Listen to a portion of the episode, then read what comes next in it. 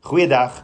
Parasha 53 Haazinu wat beteken luister en Parasha 54 Wezot Braja dit is die seën nommer 6. Dis ons laaste parasha gedeelte vir die jaar. Die vraag is wat is die gevolgtrekking van die eerste 5 boeke, die boeke wat Moses geesvervuld geskryf het? Of hoekom eindig die Torah met Moses se dood? Waarom hoor ons nie 'n inspirerende opsomming van hoe ons almal Abba Vader, die God van verhoudings, instruksies moet onderhou en in sy weë moet wandel nie? Ons het gesien dat die gevolgtrekking van die Torah reeds in Deuteronomium 32 vers 45-47 begin, waar Moses die kinders van Israel toegespreek het en gesê het: "Gee ag op al die woorde waarmee ek julle vandag waarsku dat julle dit julle kinders beveel om al die woorde van hierdie wet sorgvuldig te hou want dit is geen vergeefse woord vir julle nie maar dit is julle lewe. En deur hierdie woord sal julle die dae verleng in die land waarheen julle deur die Jordaan trek om dit in besit te neem. Moses sê dit is nie 'n leë of klein ding nie want dit is hulle lewe want hulle daar op die wat hulle wat hulle daar op die land sal verleng. Dat hulle spoedig oor die Jordaan sal trek om dit in besit te neem of anders gestel te erf. Wow. Is dit nie die perfekte plek om die Torah mee te stop nie? Ek meen dit dit is amazing. Wat 'n wat 'n heerlike einde aan die Torah. Dat hierdie woorde van die woord in julle harte deurbring, dit is julle lewe, dit is julle erfporsie in die land wat julle gaan beerwe. So ons het gesien Abba Vader het op dieselfde dag met Moses gepraat en gesê klim die berg op. Ons het gesê die einste woorde op dieselfde dag is uh is is baie skaars woorde. Dis 'n gesegde wat verskyn slegs 3 keer in 3 ander verhale in die Torah. Kom ons kyk waar kom hierdie presiese woorde voor want dalk as ons hierdie gesegde verstaan, sal dit ons help om die betekenis van die episode van Moses se dood te begryp en waarom die Torah eindig soos dit eindig. Die eerste vermelding van hierdie vreemde gesegde neem ons terug na die verhaal van Noag. Op die hoogtepunt van Noag se verhaal. Die vloed is op pad en Noag het sy gesin en die diere na die ark gebring. Daar staan in Genesis 7 vers 7 tot 12 en Noag en sy seuns en sy vrou en die vroue van sy seuns saam met hom in die ark geneem vanweë die waters van die vloed.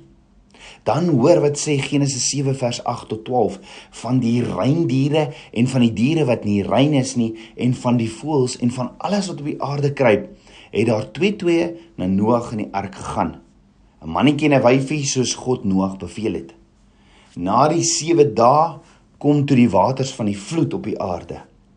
In die 600ste jaar van die lewe van Noag in die tweede maand op die 17de dag van die maand op dieselfde dag is al die fonteine van die groot oort, uh, watervloed opgebreek en die sluise van die hemel is geopen en die stortreën was op die aarde 40 dae en 40 nagte lank.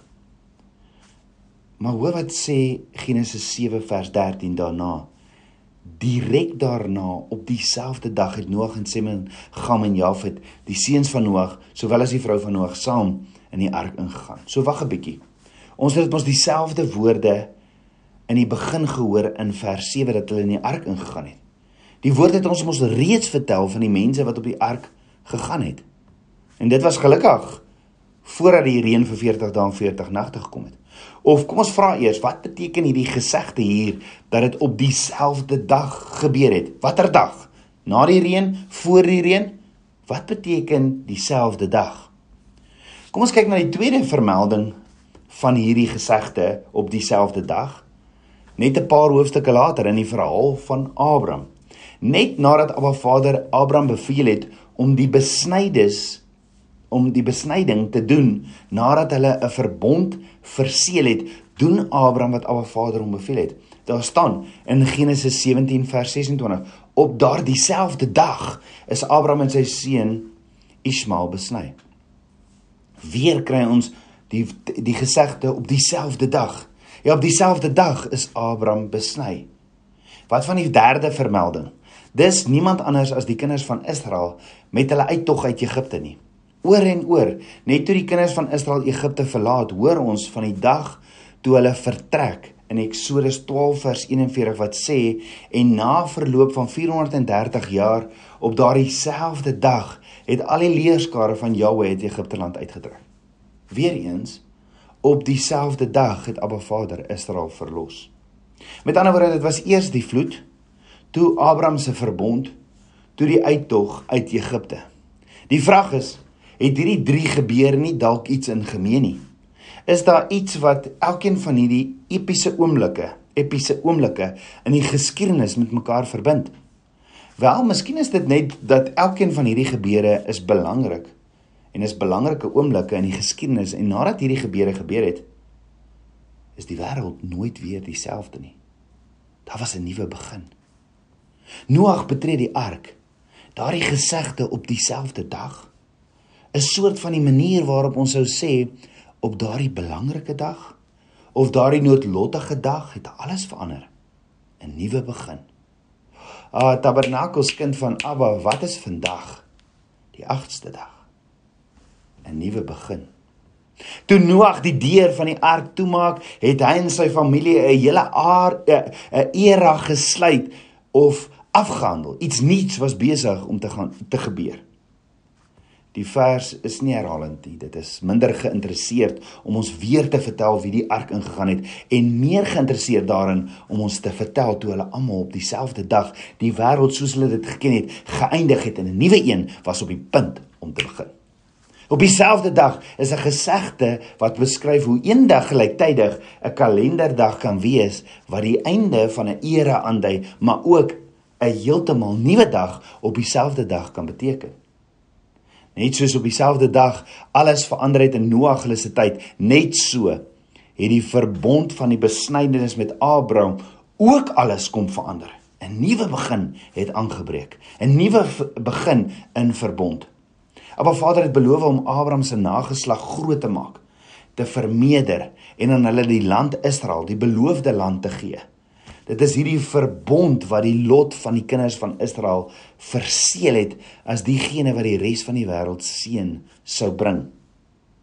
Dit was die oorgang van die tydperk van 'n mensdom wat Abba Vader vergeet het, wat in rebellie teenoor Abba Vader gekom het in die tydperk van die van die toring wat hulle gebou het van Babel.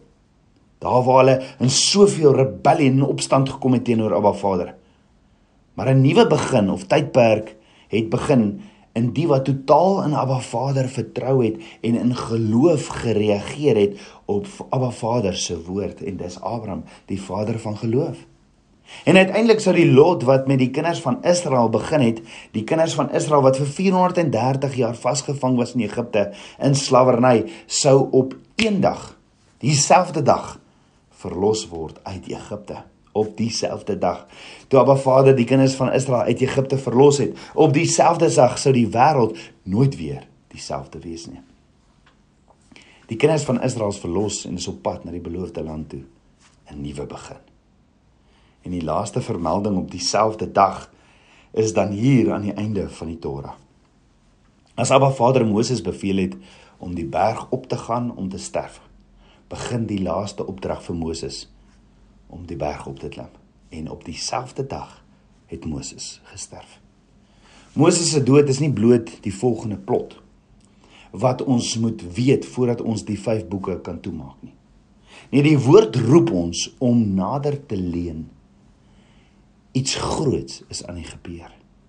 Die wêreld sal van hierdie oomblik af nooit weer dieselfde wees nie. Daar's 'n nuwe begin Dit is 'n gebeurtenis wat so getransformerend is dat dit die 5 boeke van Moses afsluit.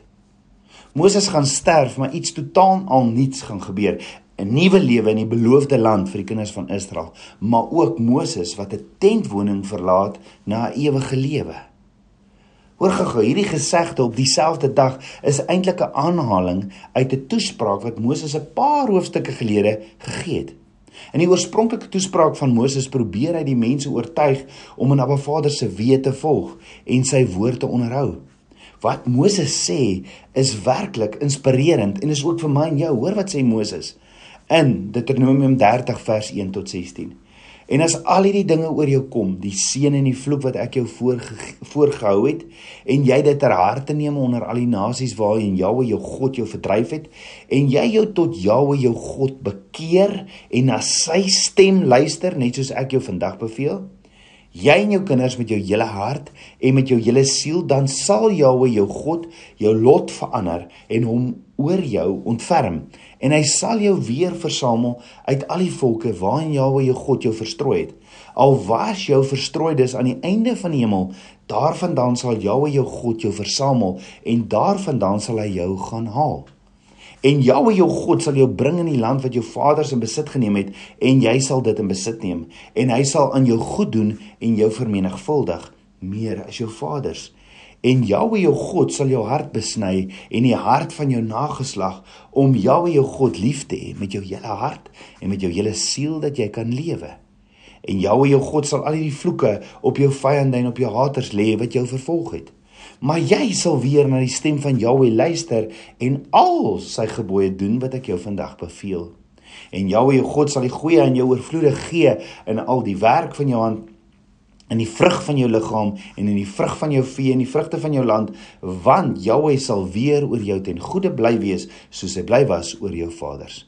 As jy na die stem van Jahwe jou God luister om sy gebooie en sy insetting te hou wat in hierdie wetboek geskrywe is as jy jou tot Jahwe jou God bekeer met jou hele hart en met jou hele siel. Want hierdie gebod wat ek jou vandag beveel is vir jou nie te swaar nie en is nie te ver nie. Dit is nie in die hemel nie sodat jy moet sê wie sal vir ons na die hemel opklim? Wat bedoel Moses hier? Ons gaan nou kyk. Wie sal vir ons na die hemel opklim en dit vir ons gaan haal en ons dit laat hoor dat ons dit kan doen?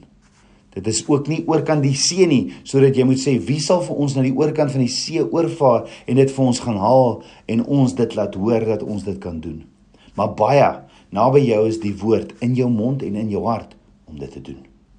Kyk, ek het jou vandag voorgehou die lewe en die geluk en die dood en die ongeluk. Wat ek jou vandag beveel is om Jahwe jou God lief te hê en sy weë te wandel en sy gebooie en sy insetting en sy verordeninge te hou sodat jy kan lewe en vermenigvuldig en Jahwe jou God jou mag seën in die land waarheen jy gaan om dit in besit te neem. So Moses noem hierdie en is die amazingste gedeelte want hy praat ook vandag met ons. Moses sê hierdie gebod wat ek jou vandag beveel is vir jou nie te swaar nie en is nie te ver nie. Dit is nie in die hemel nie sodat jy moet sê wie sal vir ons na die hemel opklim en dit van vir ons gaan haal en ons dit laat hoor dat ons dit kan doen. Dink daaroor. Herinner hierdie woorde van Moses jou nie aan iets nie.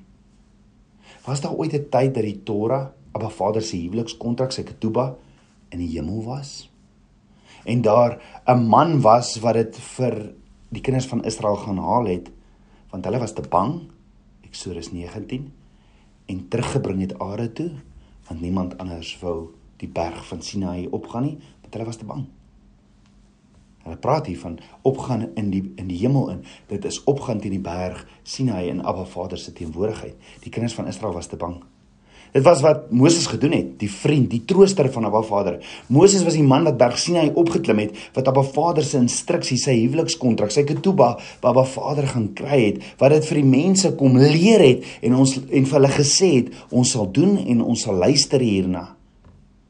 Dan gaan die woord verder. Moses sê verder: "Abba Vader se instruksies is ook nie aan die oorkant van die see sodat jy moet sê wie sal vir ons na die oorkant van die see oorvaar en dit vir ons gaan haal en ons dit laat hoor dat ons dit kan doen nie." Nou laat ek jou vra, miskien het dit nie in die verlede gebeur nie, maar sal daar ooit in die toekoms 'n persoon wees, 'n profeet, 'n groot leier soos Moses en groter wat oor 'n groot watermassa, dit wat ons skei, sal gaan haal om op 'n Vader se woord sy teenwoordigheid te gaan haal? Maar Vader sê vir Moses in Deuteronomium 34 vers 4, dit is die land wat ek aan Abraham, Isak en Jakob met 'n eed beloof het met die woorde aan jou nageslag sal ek dit gee en ek het jou dit met jou oë laat sien, maar jy sal daarheen nie oortrek nie. Moses sal aan hierdie kant van die Jordaan sterf. Terwyl die mense in die land Israel oor 'n watermassa die Jordaanrivier gaan. Met ander woorde Moses besig om te sê, hoorie, ek maak vandag Hitler. Ek was hierdie hierdie instrument in Abba Vader se hande. Nou moet julle self Abba nader. Ja, in Deuteronomium 30 inspireer Moses nie net die mense nie. Hy praat van homself. Hy berei hulle voor op sy dood. Moenie my verafgod nie. Moenie op my staat nou maak nie. Want Moses gaan agterbly ander kan die waters. Maar miskien gaan alles oor die kinders van Israel wat net te gemaklik geraak het met 'n tussenganger, is dit nie? Moses. Moses sê daar was tye dat ek die woord van Abba Vader vir julle gebring het en ek het dit vir julle geleer het. Onthou toe Moses lank op berg Sinaï vertoef het, het die mense probeer om hom met 'n goue kalf te vervang. Hulle het probeer om 'n man met 'n valse god te vervang. Hoekom? Want die mense het Moses verafgod. Soms het die verhouding tussen Moses en die mense die direkte verhouding wat hulle met Abba Vader sou hê belemmer. As hulle gekla het, het hulle te dikwels by Moses gekla en nie by Abba Vader nie. In plaas daarvan sê Moses, julle verhouding met Abba, dit is baie na aan julle nou. Jy het nie meer 'n menslike tussenganger nodig nie. Dit is in jou mond en in jou hart om dit te doen. Jou mond, jou hart, dit is die gereedskap van verhoudings, jou emosies, jou toespraak, jou gebede, nie jou eie nie. As Moses sterf, gaan die teks uit sy pad uit om vir ons te sê niemand weet waar Moses begrawe is nie selfs vandag nog. Hoekom? Hoekom gaan die woord uit die pad uit om te sê niemand weet waar Moses begrawe nie? Want anders sou sommige mense die reis gemaak het tot by die graf en daar vir Moses uit die graf uitgeput het. Na die graf van Moses toe om hom weer te nader as die tussenganger tussen hulle en Abba Vader. Maar hoekom dan die heel laaste reël van die Torah wat sê Deuteronomium 34 vers 10 tot 12 en soos Moses vir wie Jahweh van aangesig tot aangesig geken het, het daar geen profeet meer in Israel opgestaan nie wat betref al die tekens en die wonders wat Jahweh hom opgedra het om in Egipte land aan Farao en al die dienaars en sy hele land te doen en wat betref die hele mags openbaring en al die groot skrikwekkende dade wat Moses voor die oë van die hele Israel gedoen het. Let wel die woorde. Daar sal nooit weer 'n profeet soos Moses wees nie. Het 'n dubbele betekenis. Aan die een kant is dit Moses se grafskrif, 'n wonderlike lof van 'n leier wat gaan sterf, maar dieper vertel hierdie vers ons ook 'n baie ernstige waarheid. Luister, Shema Israel, daar sal nooit weer 'n tussenganger, 'n mens wees wat Abba Vader van aangesig tot aangesig soek en die verhouding namens jou met Abba Vader het nie. Nee, Abba Vader sal nou sy woord op jou hart kom skryf. En Abba Vader sal jou kom ontmoet. Met ander woorde, dis 'n nuwe era of begin met 'n nuwe bestemming. Joshua het dit verstaan. Hy is 'n profeet. Ja, maar hy sal Abba Vader nooit van aangesig tot aangesig ken soos Moses gedoen het nie. Hy hy hy het nie bedoel om namens Israel in te tree nie. Hy is nie bedoel om namens mense in uh, in te tree nie. Nee, God sal self kom. Joshua, Yeshua, Yeshua sal self kom. Joshua maak die Torah sy eie en deur sy passie om die waarheid van Abba Vader se wil te herontdek, red hy ander. En dit is die boodskap van die gevolgtrekking van die Torah. Dit is die 5 boeke van Moses. Die Torah vertel die verhaal van die kinders van Israel, hulle herhaalde stryd, hulle mislukkings en hulle suksesse. Die kinders van Israel is uit Egipte verlos wat tekens en wonders gesien het wat verrig is deur 'n leier, 'n vriend van Abba Vader. Moses wat die nabyheid aan sy Skepper, ons Vader, voorgestel het. Dat mense hulle Skepper ontmoet met 'n ware hemelse wolk wat neerdal om hom ook van aangesig tot aangesig te ontmoet. Maar Vader, 'n God van verhouding, het sy instruksies aan die mense bekend gemaak. Op opdragte wat geregtigheid, vriendelikheid en geluk leer. Opdragte wat seën, lewe en goedheid meebring. Hy wat onder ons kom tabernakel het. Ja. God with us. Ja, sy eie soeka vir hom waar hy onder die kinders van Israel gewoon het op aarde. Ons weet dis die tabernakel, maar net so sê Paulus, die tabernakel het 'n tempel geword en weet julle nie dat julle die tempel is nie? En ons weet Yeshua het gekom en Heilige Gees lewe nou so in ons. Maar Vader se wolk van teenwoordigheid het van berg sien hy afgedaal om saam met ons op die aarde tabernakel waar hy ons kom leer het om heilig kadosh te wees en om in reinheid saam met hom te lewe Ons word in die woestyn geleer om op hom te vertrou dat hy die bron van ons lewensonderhoud is, dat hy die bron van ons veiligheid is. Ons kan op hom vertrou. Selfs as ons afdwaal, leer ons hoe ons ons weg moet regstel en direk kan smeek. En ten slotte wag ons vir die nuwe Jerusalem, 'n nuwe begin. Maar Vader se woord is 'n lewensboom en ons bron van seëninge. Dit is nou in ons mond en in ons harte om dit te doen. En dit is wat Yeshua kom doen het om ons die krag te gee, om ons te vergewe van dit wat ons verkeerd gedoen het, van sonde, van die loon van sonde is die dood en dan om daarvolgens te lewe. Die res sê die einde van Torah is regtig aan jou. Ek wil ek wil die jaar se parashas afsluit met die vraag: Het jy ooit iemand bekend ontmoet of raak geloop? In ons kultuur waar die mense graag beroemde mense najag, is dit soms 'n opwindende ervaring, veral as die beroemde nog met jou praat en jou uitvra. Na hierdie soort ontmoeting met 'n beroemde persoon wonder mense gereeld hoe so 'n beroemde persoon so nederig en gewillig kan wees om met my 'n normale mens soos ek te kan praat. Maar op 'n veel groter manier is dit een van die wonderlikste dinge van ons as kinders van Abba dat die Skepper van hemel en aarde intiem met my en jou wil praat. Hy sê ek en jy kan hom ken in alles en hy sal ons baie gelyk maak. Moet ons nie dan 'n dieper begeerte kweek om na hom te luister nie? Gedurende die verlossing uit Egipte het Abba Vader op verskillende maniere maniere met sy mense gepraat. Die Hebreëse die Hebreëse skrywer maak dit duidelik in die open, openingsvers van sy sendbrief in Hebreërs 1 vers 1 tot 2 waar hy sê nadat God baie kere met baie maniere in die Ou Testament gespreek het tot die vaders deur die profete het hy in hierdie laaste dae tot ons gespreek deur die seun wat hy as erfgenaam van alles aangestel het deur wie hy ook die wêreld gemaak het Terwyl Abba Vader op verskillende maniere in die Ou Testament gekommunikeer het, was sy voorkeur deur middel van sy profete. En onder al die Ou Testamentiese profete was Moses die belangrikste. Moses was Abba Vader se uitverkore spreekbuis. Spreekbuis is die Afrikaanse betekenis van profeet. Hy was die uitverkore spreekbuis en bemiddelaar tot Abba Vader die bevryding van sy volk uit slawerny in Egipte wat wat dit geor, georkestreer het. En die betekenis van Moses in die verlossing van slawerny kan nie oorbetemtoon word nie en die skaduwee van die uittog strek oor die hele kor van die woord. Die uittog was 'n verlossingsgebeurtenis wat die toekomstige verlossing deur Yeshua verseker het of getipeer het. Dit beteken dat die primêre rol van Moses in die Openbaring was om die weg te lê vir Yeshua, die een wat hom oortref het. Yeshua is die vervulling van die belofte van Deuteronomium 12:8 van Deuteronomium 18 vers 15.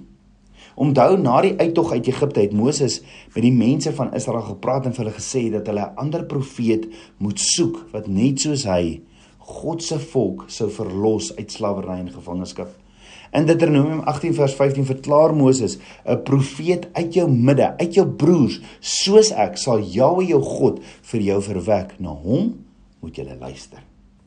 Let wel dat Moses nie net die koms van hierdie toekomstige profeet openbaar het nie, maar hy beveel Israel ook om na hom te luister.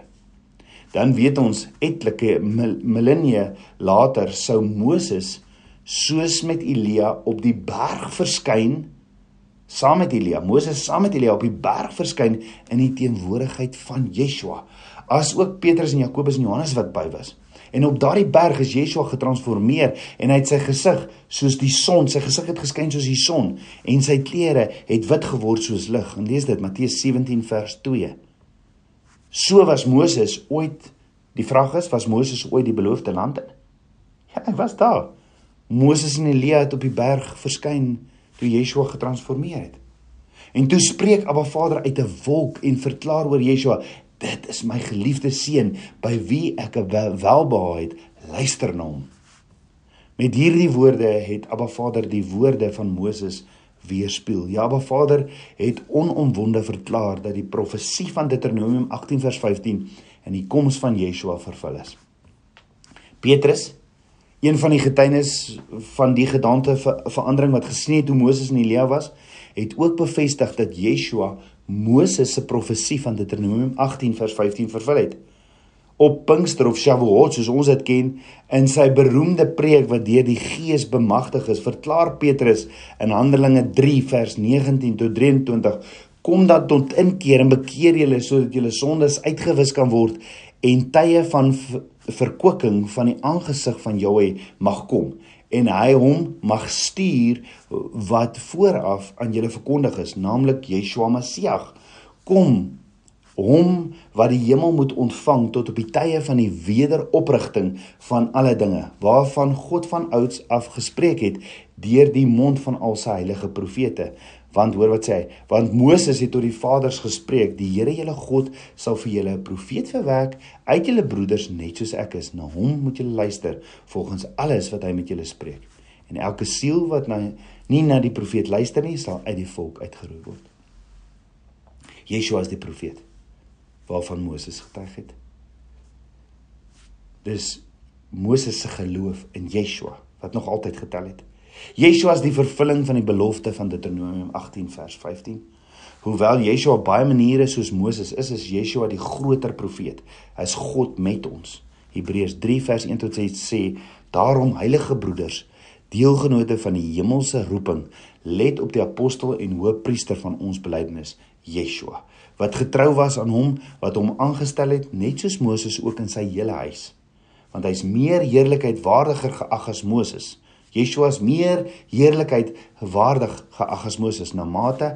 Hy wat die huis gebou het meer eer het as die huis. Want elke huis word deur iemand gebou maar hy wat alle dinge gebou het is God. En Moses was wel getrou en sy hele huis as 'n dienaar om te getuig van wat nog gespreek sou word. Maar Yeshua as seun oor sy huis. En ons is sy huis as ons net die vrymoedigheid en die roem van die hoop tot die einde tot onwrikbaarheid vashou Ja, Yeshua die kinders van Israel deur 'n groter uittog gelei. Die bruid uit 'n groter uittog gelei.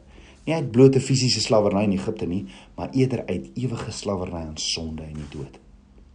Lukas se verslag oor die gedaanteverandering dui daarop dat Moses en Elia met die getransformeerde Yeshua gepraat het en die inhoud van hulle gesprek was gefokus op Yeshua se vertrek.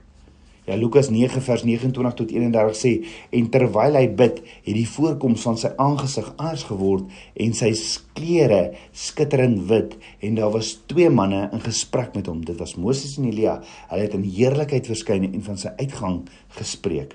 Hy het in Jerusalem wat hy in Jerusalem sou volbring. Sy uitgang gespreek wat hy in Jerusalem sou spreek. Die woord wat vertaal word as vertrek in hierdie vers is Exodus. Die Griekse woord vir uittog. Yeshua het 'n uittog vir die kinders van Israel, die bruid.